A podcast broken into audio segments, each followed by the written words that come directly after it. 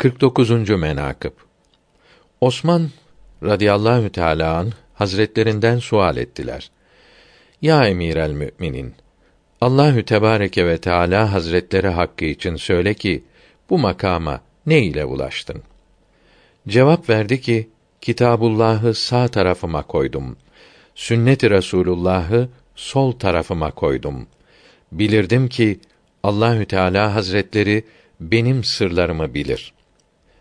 Haberde gelmiştir. Hazret Ali kerremallahu veçeh ve radıyallahu an Fatıma Tüz Zehra radıyallahu teala anha üzerine bir başka hanım daha almak istedi.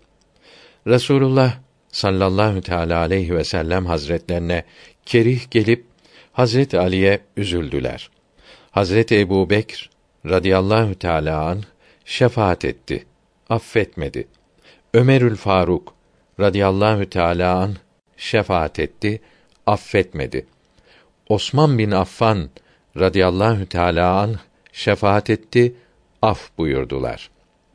Sonra sordular ki: Ya Fahri Alem ve ya Seyyidi Veledi Beni Adem neden Ebu Bekr ve Ömer'in şefaatini kabul etmediniz de Osman'ın şefaatini kabul edip affet